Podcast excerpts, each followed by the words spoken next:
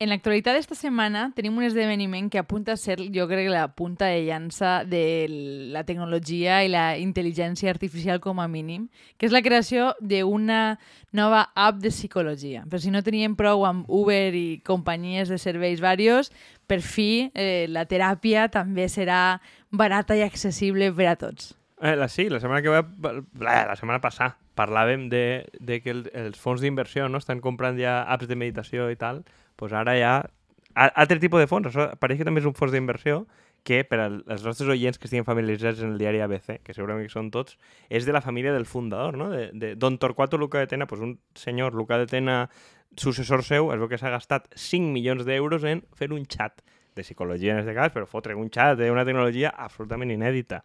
La tecnologia està que se sale en este grupet. En 5 milions nosaltres montem, bueno, Fantàstic, eh? Que molts es donen. Jo, jo els, els monte no, no uno, sinó tres xats com a mínim. Home, la tecnologia del xat de VilaWeb, que en el seu moment era l'únic en català, que anaves ahir a, a, conèixer gent i, i, i a lligar en, en poc èxit, perquè eren tots senyors en el mateix perfil. Pues espero que es troben el mateix en el, en el xat de teràpia, este.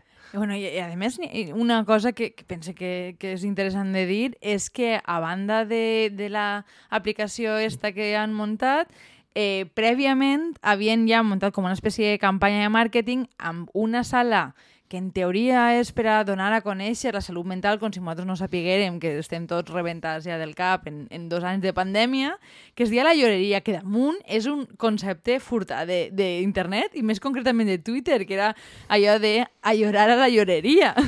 És a dir, com tot aquest programa, no? que són tots conceptes furtats de Twitter, però i damunt volent cobrar i gastar-se 5 milions d'euros, cabron. Bueno, jo de moment no els he vist sobre la taula, per tant seguiré furtant conceptes de Twitter hasta que me'ls el donen. Però bueno, eh, jo crec que això ens entra en, en un debat que és bastant interessant, que, que bueno, jo crec que mos, pronto tindrem nosaltres també la, la nostra pròpia lloreria, ja que primer van vindre els gofres estos en forma de polla, que tant d'èxit han tingut perquè jiji polla, però estàs segura de que no és la mateixa empresa, en el fons, la que comercialitza els gofres en forma de polla, o sigui, les empanades tot. Ai, ai xiqui, excentricitats de la capital. Taco Bell i coses d'aquestes, no? Les em... Surt que també les empanades també del, del mateix amo. Tot... Les fan psicòlegs. la mateixa, les mateixes decisions de merda tenen pinta. Home, no, és probable que un psicòleg t'atenga no? en, el, en, el, com en, en el micro i els auriculars de teleoperador mentre fan panades. Jo crec que ja és el... ja, ja estaríem en el, en el cim, no? Però la, la lògica darrere d'esta app no és molt diferent a les d'un teleoperador de telefonia. És a dir, que su, suposa, però que veiem en la notícia que els van donant més punts conforme més sessions aguanten al client, que és xungo, no? Perquè ja t'ha convertit en una espècie de client, ja no n'hi ha ni una atenció personalitzada sí, però està més prop d'una categoria de client que de pacient, no? I com ells van pujant de categoria i tenen nom de psicòleg famós, eh, com, com que van pujant en estrelletes, com si fos un videojoc, està gamificat, Diuen uberització, però a mi em recorda més com un joc d'estos d'internet online, no? A mi me sona més a una estafa piramidal. Em recorda aquella organització eh, de solidaritat feminista que al final era una estafa de l'hòstia. No ah, sé sí, si sí, sí, sí, sí, sí. Un, un, me recorda una miqueta... Que paraves diners i tal, i era per a la, la sororitat. Per a la sororitat. I primer només dones, després misteriosament també acceptaven homes, perquè les dones ja havien picat totes, tal... Ja, pues... Això em sembla que ho dia Bojack Horseman, no? En un moment diu que el problema de les feministes és que lo hacían mujeres. eh, sí, sí, jo crec, jo, jo crec que la cosa està per ahí. Però bueno, i crec que és una cosa que també havia de plegar, no? Que és la qüestió de la salut mental, que evidentment jo crec que no la podem separar de tots els problemes contemporanis, es convertirà ja en si mateixa en un propi negoci. O sigui, Ja, jo, jo crec que s'ha identificat que, que és un tema que, està, que especialment les noves generacions li donen molta importància i pense que, a més, en els anys que portem estem el que dia, no? Estem tots una miqueta desgastats emocionalment, econòmicament, i han dit, home, per, per què no anem a invertir així? A, a mi me, me sembla que així hi ha un, un, un problema, que és el, la qüestió de eh, de la teràpia en si, no? la teràpia com a solució de tots els mals. Jo, jo crec que per una banda tenim a perfils eh, concrets de persones que mai de la vida s'haveren plantejat a teràpia i que estan començant a fer-ho i està bé, especialment senyors entre 30 i 50 anys, perquè més amunt ja no confie, però que, que, que està bé que es replantegen coses, no? Que sempre se les han tingut teràpia gratis, no se'ls ha qüestionat lo mínim, o sigui, no, no, és Teràpia allò... gratis vol dir que abans aguantava la dona o la nòvia o X i ara la dona o la nòvia o X els envia coactivament perquè no vol a que externalitzen el servei. Exactament, a que externalitza el servei. És a dir, diem les coses pel nom. És a dir, al final que Exactament. la, la, la, la persona a la que acabava el problema es cansa no? I, els, i els envia. I que, clar, que vull dir que sempre eh, parles del sexo dèbil, però resulta que és que quan a una persona la qüestionen i li diuen les coses com toca, la fragilitat és enorme, no? I, i crec que està, que està molt bé que això això estiga sobre la taula. Ara bé, és la teràpia la solució per a absolutament tot? És a dir, no tenim... Jo crec que tenim moltes voltes també problemes de que dius tu, no? psicosocials i comunitaris. La gent se sent molt a sol, és molt abandonada i no hi ha projectes per absolutament res. A mi em fa la sensació que al final caiem en unes idees de sacrifici personal i de purificació i de mirar-se molt el melic per a veure què faig jo malament i jo estic a favor de, de, de mirar-se les coses i, i de construir-se una miqueta, no? Però vull dir no, no pot ser que el teu únic projecte sigues tu, perquè entonces la teva identitat és militant. I, no, i això no s'acaba mai, perquè si mai, mai acabes de veure coses que estan malament i és esgotador. A veure, se- sempre pots anar, diguem, més al gimnàs, fer més activitats, és a dir, ahí n'hi ha tot un univers no? que té que veure la productivitat personal i al final, i al mateix temps, el que trobes és que les, les persones que estan medicades o en quadres de depressió o ansietat o tal, el que tix sobre la pandèmia, que ha augmentat la demanda de salut mental, són dones, la majoria. O sigui, són dones, que crec que són quasi el doble les dones que tenen quadros greus i, i tal, de depressió, ansietat i tal, i l'increment quasi és doble en dones que en homes del que es dona. És a dir, que no, no només que de base n'hi hagi més problema, sinó que es dobla més. I jo ahir no tinc clar si és que la dona aguanta més, que segur que sí, o que la dona acudix més, en general, o que la dona reconeix més que té problemes que, eh, que l'home. I sospite que la dona també és més víctima de tots aquests processos de productivitat i millora personal de lo que és l'home, a nivell de lo que és, de lo que és mercat com a producte. Jo, jo crec que al, al final eh, tenim un concepte que són com la, la, la dona total, no? que, que arriba a tot, que ho sap, ho sap tot fer, i que en el tema de com la faena ja no és l'horitzó on ens hem de sentir realitzats, tornem a casa i són les cures i al final hi ha una certa glorificació i especialment en la pandèmia que òbviament ha posat sobre, sobre la taula que el, la vulnerabilitat de les persones és un, és un tema important no? i que tindre cura dels majors i dels xiquets és, és una, un tema important. Ara bé, no sé fins a quin punt eh, és responsabilitat nostra com a dones, no? Jo, jo crec que, que al final eh, hem, hem retrocedit molt en el temps perquè ha semblat que tot recaia sobre nosaltres com a dones eh, que, que funcionara i, i especialment en la pandèmia m'ha fet aquesta sensació, no? De que és com que t'exigeixen un grau més de sacrifici per a que no, no s'acabe de derrumbar tot. I no, no sé si era en la universitat, però que, que la, eh, la productivitat de, de les acadèmiques s'havia desplomat mentre que la dels homes havia augmentat. Que resulta que ells sí que tenien més temps i ells el, molt menys. Bueno, però és que ahí tenim sempre el discurs glorificador de que abans era detrás de una gran hombre i una gran mujer, la, la superheroïna, la que todo lo puede. És a dir, ahí tens tota una cosa que crec que té molt que veure en la, en la salut mental, és a dir, que, que cabe reventar, però nosaltres li anem a donar dos, dos colpes i reconèixer. Jo crec que igual el, el, el, el model de dona que, s'ha- que ha prescrit el feminisme fins fa poc era mm, sigues una psicòpata com un home i pots estar en un consell d'administració, és a dir, eres capaç d'igual d'apunyalar que ell, crec que això mos clava en un debat més, més ampli no? de l'antropologia, és la dona millor o pitjor que l'home, però bueno, per almenys la dona de fa una generació, és a dir, les nostres mares és com dir, vaig a ser professional, puc delegar feines de casa, puc donar biberó, i no he de donar de mamar, etc. I avui en dia crec que hem arribat a l'extrem contrari de com a dona he de glorificar les cures, el meu paper tal, és a dir, és que jo crec que això està molt, molt unit a lo que t'acabes exigint en, en casa, és a dir, com a, com a mare, com a cuidadora, com a lactant, no sé quantos, i també continuo sent una professional. I no deixes de ser un, o sigui, un plantejament molt productiu. A mi és que em fa la sensació que si no és faena o no són cures, no hi ha res. O sigui, no hi ha dret a, a, al descans, a l'oci, a, a fer coses sense ninguna intenció de, que tinguin sentit, no? Jo, jo trobo a faltar una miqueta eh, el, ben, el benestar, la, sensació de, de poder tindre temps lliure, poder disfrutar de temps a soles o de, jo què sé, o sigui, igual de botànica, si és el que t'avellís.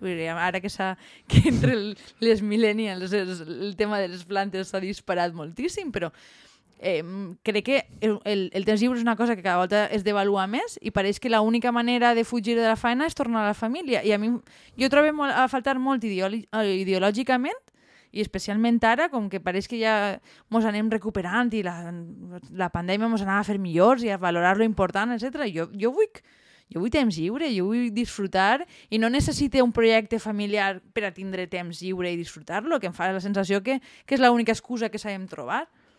Sí, no, i, i això sí que ho sentim, no? Que una persona, si no té una primer una parella o primer uns fills o tal, no sap posar límits al treball, no? I coneixem casos de... Sí, no coneixem uns quants. coneixem ca cas, cas és... marcats. Eixa idea de, no, jo és que ara que tinc família sé el que és la vida de veritat i ja no vull treballar tant. I com, eh, jo no, igual no vull tindre fills i vull tindre gossos i vull passar temps en ells o no, o vull que estar a sols tancant la meva habitació escoltant música. No, no me sembla un projecte vital menys bo que, que el familiar.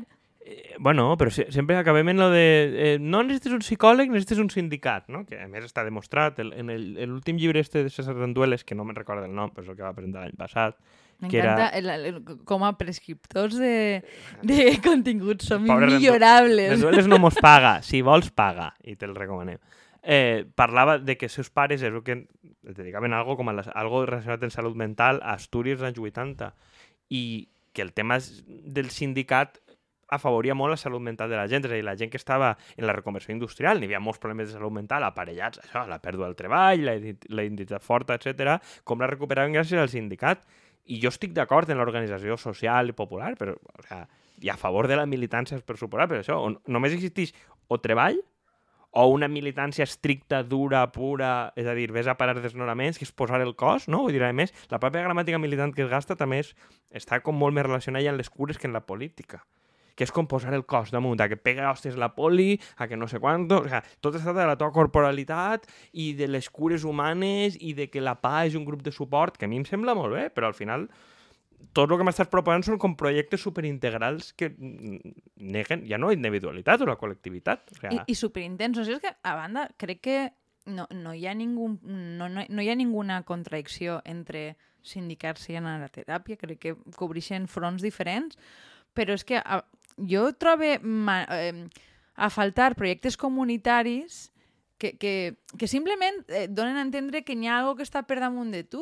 Jo en aquest sentit moltes voltes trobo a fa... o sigui, enveja la gent que creu en Déu, perquè no tot depèn d'ells, ni tot... O sigui, totes les coses mals que fa són culpa teua. A, a mi això em fa la sensació de, de solatge, no? I, I crec que això mos falta. Mos falten llocs intermitjos que no impliquen posar la vida, posar el cos i anar a salvar a ningú, sinó que en, en, fas plans en, en gent en la que coincideixes ideològicament i que teniu projectes de futur. I és que no tenim projectes de futur i crec que, honestament, la, el, la sensació de, de solitud al nostre voltant és aclaparadora. Crec que diuen això, no? que la solitud és com el, el, el gran el gran problema, no? un poquet la, la, la pandèmia del, del, del segle XXI i que es cobreix per aquests costats i que s'havia multiplicat, o sigui, la solitud no desitjada, s'havia multiplicat entre gent jove. Vull dir que no, normalment l'associem a gent molt major i que en adolescents era una cosa creixent. La gent no se sent acompanyada i crec que aquest és un dels grans problemes que tenim. I probablement no se senten acompanyats. O sigui, això, si mos clavem a parlar de Tinder i coses no acabem, però eh, crec que també té molta relació en que hagis de, so hagis de solventar la teua solitud, perquè, clar, quin percentatge de buscar un psicòleg a través d'una app té que veure que sents a soles i que no tens ningú a qui comentar aquests problemes, sentir acompanyat. Eh, jo no dubte que, que pot haver quadres d'ansietat real i de depressió, i, i no, no és per llevar la importància mèdica, però probablement n'hi ha coses que s'aguanten i suporten millor, no tot, si n'hi ha un acompanyament, però clar, probablement el que tu trobes és una app és una persona que pues, valora la teva foto i si vols que una cosa bé i l'altra no, però tampoc no n'hi no ha... Eh, on coneixes tu a gent? Però és que, a veure, vivim en, en, en un entorn que és fràgil socialment, en un estat que no protegeix econòmicament, que no... és a dir, jo crec, crec que la, la teràpia és útil, però també, vull dir la teràpia en abstracte, jo cone, eh, coneixem tots perfils de persona que, que, que són psicòlegs que no estan per a donar consells a ningú, no? Vull dir que al final la manera de tractar la salut mental sembla que l'únic que estàs requerint és un segell, no? De, jo ja fui, o sea, la, la xapeta està dels alcohòlics anònims, però en teràpia. I el contingut dona igual, i pues, probablement no, i has d'aconseguir algú que, que, en el que et sengues entès i probablement els teus amics mai van a poder suplir aquesta faena, no? Però inclús així, evidentment, sentir-se escoltat per als teus companys és una cosa que jo penso que mol, molta gent troba a faltar. Bueno, i que, i que suposo que n'hi ha, un, ha un percentatge de cada cosa, i jo no dic tot el rotllo que diu este rejón de la salut mental, que em sembla bé, és a dir, n'hi ha probablement la meitat o la tercera part de psicòlegs que hauria haver en el sector públic, però que al final a la gent l'ajudaran d'una forma molt limitada. És a dir, a la, gent, a la gent l'ajudaran de forma limitada i probablement li acaben donant unes pastilles. O... No, no van a tindre temps un psicòleg per a resoldre els problemes, que crec que està bé perquè és una manera material de focalitzar-ho, de dir, vale, probablement si invertim més és que ens importa més i per tant li donarem més importància a la formació i ho, a favor. ho, ho veig com a, com a pendent, però tampoc no, no sacralitzem i li, i li donem un paper de, de bàlsam que això va arreglar-ho tot. I tampoc que mos venguen la moto al respecte, no? no. Mos va solucionar la vida, això. Claro, però n'hi ha coses, n'hi ha una cosa més interessant, no? Que, que parlàvem preparant el programa, que és el que dia el TikTok aquell que va fer Rejón d'una entrevista en la SER, del el tema de les stories, no? De la teva vida no té que ser una story. Cada dia que isques no té que ser espectacular, tens que passar de puta mare, cada volta que coneixes algú el sexe no té que ser increïble, perquè probablement hasta, o sea, si tu veus la vida és la perspectiva d'una story d'Instagram, de que tot és compartible, millor, èpic, legendari, no? com el, el, el Barney aquell, pues, evidentment vas a frustrar-te. És allò que parlàvem l'altre dia de la isla de les tentacions, en el fons, gent que és addicta a l'enamorament i que és addicta a aquesta intensitat i que, per tant, l'únic que està fent és cremant persones contínuament de manera incremental i, i mai, mai, estan, mai se senten satisfets tampoc perquè mai està res a l'altura de les seues expectatives i sempre estan a l'espera de que algú els seduïsca més i més intensament i això no ho havia sentit mai en ningú altre, no? I jo crec que això aplica a, a, molts, a molts aspectes de la vida. Sí, bueno, jo, jo crec que et fas addicte, tu dius addicte a l'enamorament, probablement et fas addicte a la narrativa. És a dir, és, és, és el tema, no? El tema de, de Quijote de la Mancha, no? Que originalment Cervantes es burla de que un senyor que no té ofici ni benefici, viu en un poblatxo, es, es flipa i no viu en la vida material, no? Que ara, vull dir, com és el, el epítome de la identitat espanyola és un senyor que viu fora de la realitat i només s'alimenta de novel·les de cavallers. Vull dir, és com mite i l'idealisme, però que realment seguim ahí. És a dir, hi ha gent que és probablement addicta a tot el que veu en l'història i a produir això, a produir... A, a produir continguts, és que al final és produir contingut. A, a, a productivitzar-se i anar a un restaurant de luxe a fer fotos de lo que he menjat i no disfrutar-ho. A mi probablement vaig a un restaurant en llama més com és el plat o alguna cosa concreta o com és el pixaero que altra cosa. Vull dir, perquè igual és lo diferent, però veus gent... Què es passa en l'Instagram els 23 plats del dia, perquè probablement s'ha gastat els diners per això, no? És que a mi això me sembla militància de la identitat. Militància neoliberal, si, si volem, però no deixa de ser convertir tot el que fas en una prova de lo que eres. I a mi això me sembla absolutament esgotador. Bueno, però, i, i, però és que, que, que això, o la salut mental, eh, per, per anar, per anar tancant el cercle, que això, la teva pròpia automillora s'hagi convertit en un mercat, és com un somni d'esto de Marcús al cubo, però al final estem ahí, no? Vull dir que, que ja és un, la teva pròpia la teva noció de que pots millorar i no sé quantos s'ha convertit en un mercat, gasta diners per la teva pròpia automillora. Vull dir, jo no sé si això te freno, la veritat. Jo crec que serà una bombolla com moltes altres que hem vist, però veurem quan mos rebenta i a qui li rebenta en la cara. Ni tan sols tenim algun tipus de partit comunista per a dir que s'afilien els oients i diem que... i resoldrà tots els problemes. Però tenim Twitter, home. Ja està. Que està tot, tot, tot el món ho sap millor que els altres, no, el que tens que fer. Sí, no sé, bueno, no sé, les, les concomitàncies entre Twitter i el Partit Comunista, no l'espanyol, sinó en abstracte, jo crec que les deixem per un altre dia. Perquè crec que hem obert, vamos, 14 vetes. Un dia parlem de si maternitat malalts, no sé què. La nostra especialitat és obrir molts temes i tancar-ne un total de zero. I, a més, temes des que realment no sabem quasi res en primera persona. Que se jodan. pues ho deixem així per avui. Ja, ja, hem, ja hem cunyadejat prou i si voleu més, de sis dies, més encara.